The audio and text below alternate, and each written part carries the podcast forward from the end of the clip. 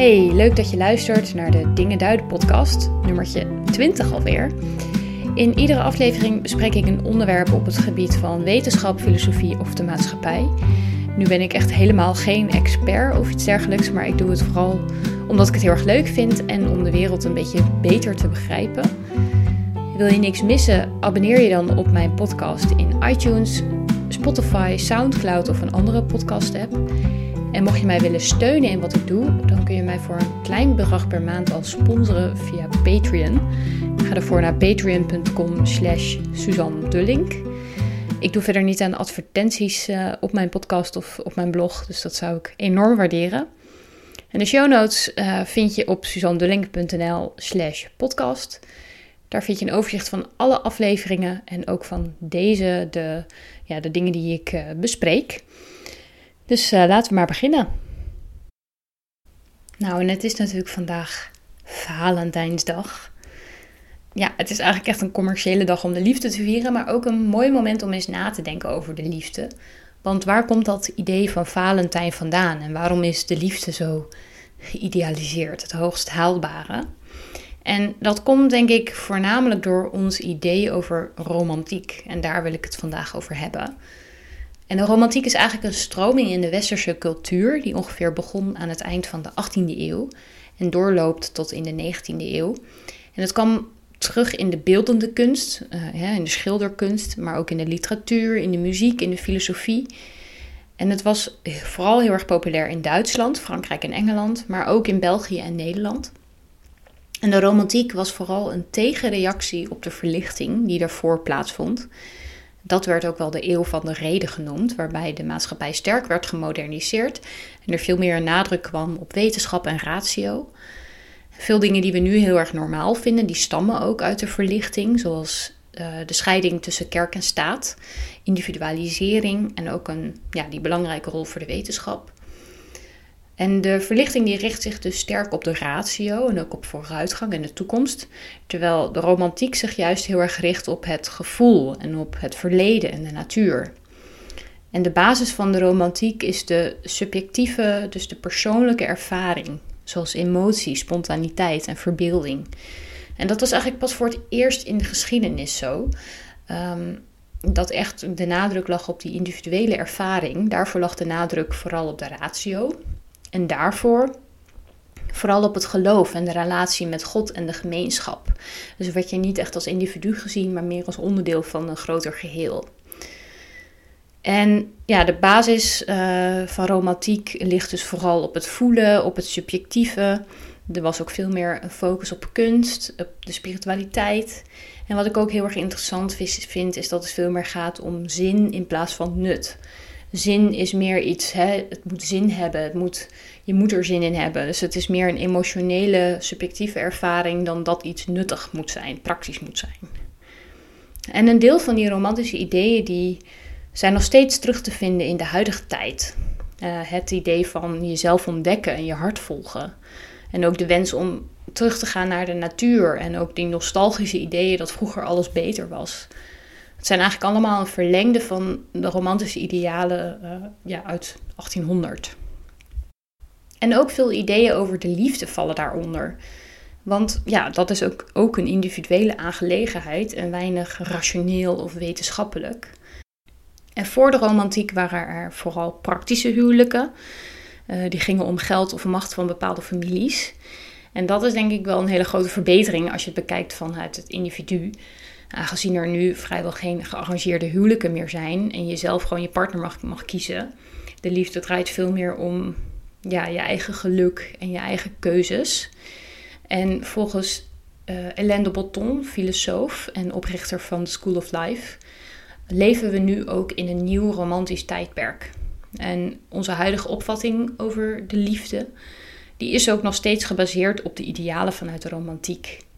En daarbij is het uitgangspunt dat liefde een soort bovennatuurlijke kracht is. Waarbij het dus niet gaat om die praktische zaken zoals macht van bepaalde families.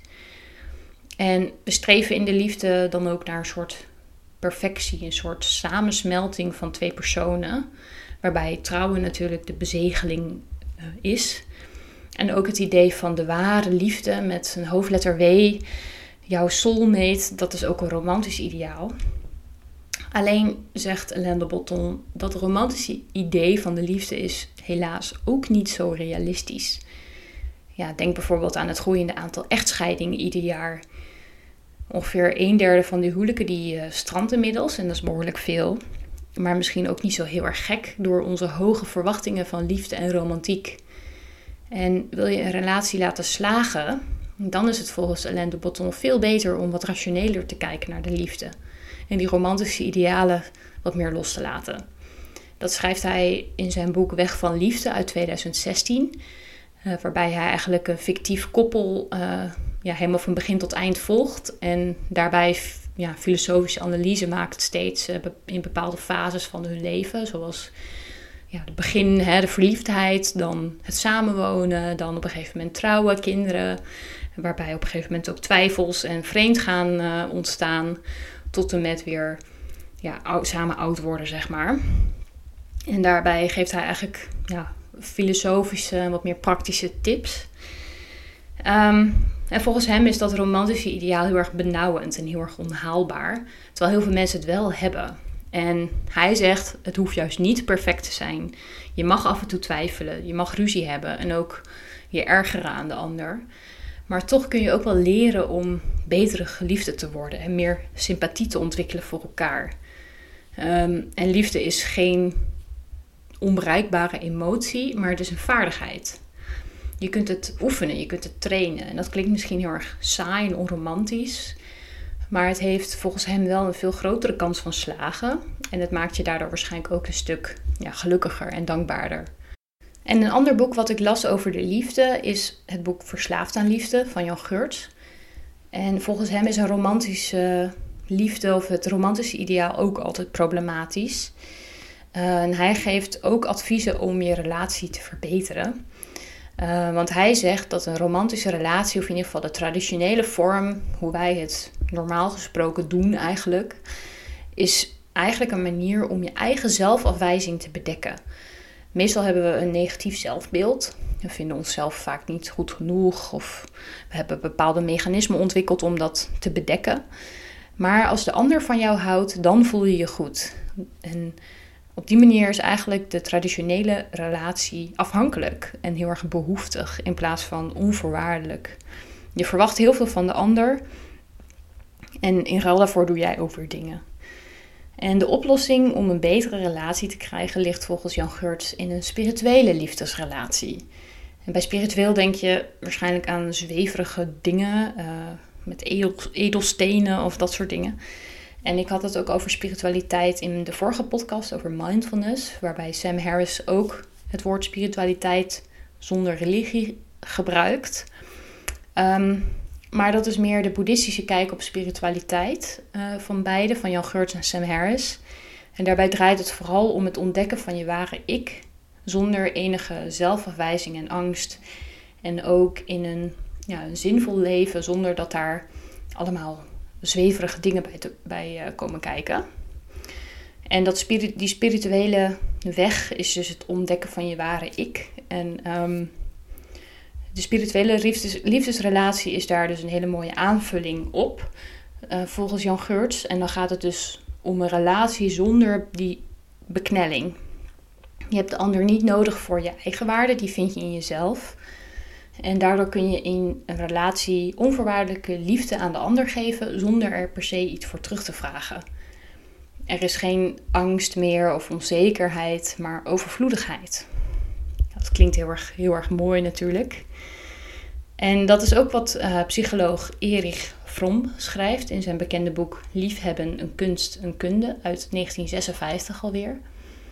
Uh, we moeten volgens hem ons veel minder richten op de verlangens om door de ander te worden bemind, maar juist ons richten op het liefhebben van de ander. Dus eigenlijk veel meer geven in plaats van nemen. En ook de relatie zien als een aanvulling op je leven in plaats van een eerste levensbehoefte. Nou ja, het klinkt allemaal heel erg mooi en, en perfect en zo. Maar goed, het is allemaal niet makkelijk te bereiken. We hebben ook allemaal weer onze onzekerheden, onze twijfels, onze jaloezie. Nou ja, dat moet je allemaal leren herkennen en accepteren. Maar, zegt Jan Geurts, als je nu in een relatie zit, kun je er wel voor kiezen om samen dat spirituele pad te gaan bewandelen en niet steeds bevestiging te zoeken bij de ander. Maar ook als je geen relatie hebt, kun je het idee loslaten uh, dat je een partner nodig hebt om tevreden te zijn. Dus het gaat veel meer om uh, eigenwaarde en eigen liefde dan om liefde van een ander. En ja, als je dan nu wel een relatie hebt, wat waarschijnlijk nooit sowieso niet perfect is, dan is het natuurlijk niet gek om je toch die, af en toe die romantische gevoelens van liefde te ervaren. En dat, dat is natuurlijk ook heel erg leuk om elkaar af en toe te verrassen of iets leuks, romantisch samen te doen. Maar dan wel met een rationelere, realistischere basis. Dat is denk ik een veel betere relatie. En dan kan je alsnog enorm van iemand houden en ook de liefde ervaren. Maar dan zonder die meeslependheid die je zo vaak in van die romantische comedies ziet. Want ja, wat gebeurt er na het eindshot waarbij ze nog lang en gelukkig leven? Dan is er weer een keer iemand gereinigd of eh, de vaatwasser moet worden uitgeruimd. Op een gegeven moment wordt het soms ook saai. Ja, dat, dat gebeurt gewoon. Dat hoort gewoon bij het leven. En uh, dat is ook wat uh, Alain de Botton, wat Jan Geurts en ook Erich Fromm zeggen. Ja, het is meer een, vaardigheid om een goede relatie te hebben dan een soort uh, bovennatuurlijke kracht. En wat je tegenwoordig ook steeds vaker ziet, is dat de vorm van een relatie ook op verschillende manieren kan. Ik heb het idee dat dat steeds normaler wordt, of in ieder geval dat het meer besproken wordt. En dat er ook ja, wat minder eenduidig naar liefde en relatievormen wordt gekeken. Denk bijvoorbeeld aan het kiezen voor een open relatie of een polyamoreuze relatie. Het houdt in dat je ja, met één vaste partner bijvoorbeeld de vrijheid hebt om ook met anderen af te spreken. Eh, of dat je zelfs met meerdere personen echt een diepgaande relatie hebt.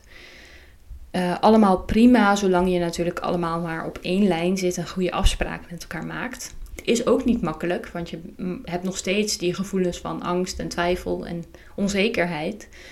Maar voor sommige mensen werkt dat wel veel beter dan een monogame relatie. En dat klinkt natuurlijk heel erg als het tegenovergestelde van romantisch. Hè, om goede afspraken te maken en ook om niet één ware liefde te hebben. En monogamie is tegenwoordig nog steeds wel heel erg de norm. En veel mensen kiezen er überhaupt voor zonder erover na te denken. Het is gewoon normaal om je gewoon te committeren aan één persoon en uh, dat is het. En dat is natuurlijk ook weer heel erg gebaseerd op dat romantische ideaal van de ware liefde en één persoon. Um, en in veel gevallen werkt het ook hartstikke goed. Ik vind het ook heel erg fijn om een monogame relatie te hebben. Maar ik denk wel dat het belangrijk is om daar bewust voor te kiezen. En het is ook prima om andere behoeften te hebben. En het lijkt me beter om dat goed met elkaar af te spreken dan dat je in je monogame relatie gefrustreerd bent of jaloers bent of dat, dat een van de twee vreemd gaat, noem maar op. Dus je kunt beter daar praktisch en eerlijk over zijn dan uh, elkaar in een romantische beknelling houden, uh, maar dan toch daar niet helemaal gelukkig in zijn. En dan nog is het af en toe leuk om romantisch te zijn. Hè, het schrijven van een liefdesbrief of elkaar bloemen geven, dat soort dingen. Zonder dat het allemaal nuttig en praktisch is. Het mag ook leuk en lief zijn. Ehm, maar ik denk dat het gewoon niet realistisch is om dat als basis van de relatie te zien, maar dat het meer een extraatje is, een kers op de taart. En dat kan natuurlijk weer op Valentijnsdag. Toch wel de dag van de liefde. maar waar komt Valentijn dan eigenlijk vandaan? Nou, dat had eigenlijk weinig te maken met de huidige vorm van Valentijn, de dag van de liefde. In het jaar 496 na Christus riep paus Gelasius I, namelijk 14 februari, uit tot de dag van de heilige Valentijn. Maar het was niet helemaal bekend wie Sint Valentijn precies was. Er waren niet echt heel veel biografische details over hem bekend, hoe zijn leven verliep. Ehm, en er waren ook meerdere heilige Sint-Valentijnen die martelaren waren. Maar het had in ieder geval weinig te maken met liefde en het sluiten van huwelijk en dat soort dingen. En er zijn ook andere volksverhalen over het ontstaan van, van Valentijnsdag, zoals het vieren van ja, een bepaald Romeins vruchtbaarheidsfeest. Dus het is niet helemaal duidelijk waar de huidige vorm van Valentijn uh, vandaan komt. De eerste echte vermelding van Valentijnsdag over de liefde is van de schrijver Geoffrey Chaucer. Hij is vooral bekend van de Canterbury Tales. En in het gedicht Parliament of Fowls uit 1382 schrijft hij over Valentijnsdag. Al was de datum van Valentijnsdag nog niet helemaal duidelijk destijds. Um, daarna werd het ook nog overgenomen in andere literatuur, zoals uh, van Shakespeare. En in de tijd van de romantiek, dus rond 1800 en daarna, werd het versturen van post ook steeds goedkoper. En dat werd ook vooral in Engeland uh, heel populair. Dus dat heeft allemaal wel een beetje met elkaar te maken. De oudste Valentijnskaart die nog bestaat is bovendien gemaakt rond het jaar 1400, dus in de tijd van Geoffrey Chaucer. En die is nu te vinden in het British Museum. En ja, dat laat dus wel zien dat er in die tijd al wel iets begon met Valentijnsdag.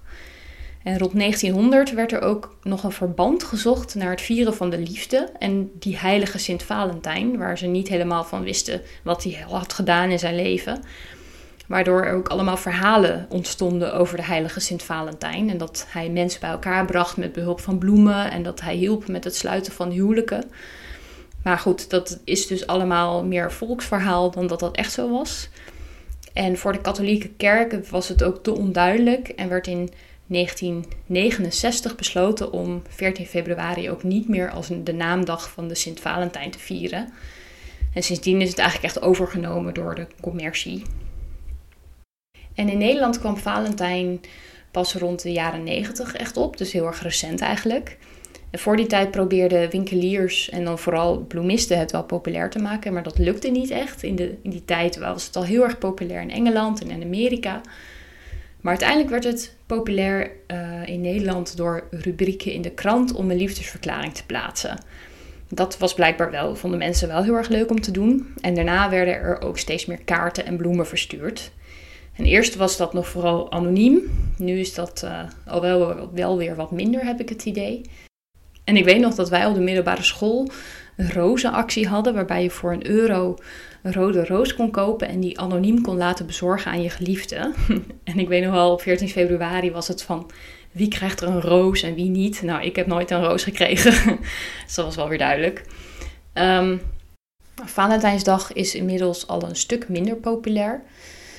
Misschien zijn we er gewoon te nuchter voor, ik weet het niet. Uh, het aantal mensen dat aan het feest doet, dat daalt al jaren. En in 2007 was dat nog iets van 35%. In 2015 was dat nog maar 21%. En grappig genoeg, blijkbaar zien steeds meer mensen het dus als commercieel en wordt het niet meer als echt romantisch gezien. Want ja, romantiek, zoals ik ook al omschreven, moet spontaan en authentiek zijn en niet vanuit commercie of dat er een datum wordt geprikt. Dat is veel te praktisch. En dat is ook precies wat laat zien dat we eigenlijk nog steeds een romantisch ideaal hebben. En ja, dat laat zich niet dicteren op welke dag je romantisch moet zijn. Dus ja, wil je echt romantisch zijn, dan is Valentijn dus niet de beste dag daarvoor. Maar goed, laten we vooral niet vergeten dat romantiek dus ook maar een ideaalbeeld is. Leuk voor af en toe, maar niet realistisch in dagelijkse zin. En daar is niks mis mee, wat mij betreft. Ehm, of je nou wel of geen Valentijn viert, het gaat er vooral om dat je een beetje gelukkig bent in de liefde. En dus ook zonder liefde dat je genoeg hebt aan jezelf. Nou, dat was hem weer. Ik hoop dat je het leuk vond om naar te luisteren en dat je er wat van hebt opgestoken. Ik wens je in ieder geval een hele fijne Valentijnsdag. en uh, vergeet je vooral niet te abonneren op mijn podcast via een van de podcast-apps, zoals iTunes, Spotify, Soundcloud of iets anders wat je op je telefoon hebt staan. Ik zou het in ieder geval enorm waarderen. De show notes van deze aflevering en alle dingen die ik heb besproken, die kun je nog even terugvinden op mijn website suzandulling.nl slash podcast. En dan zie ik je heel graag weer bij de volgende aflevering. Doei!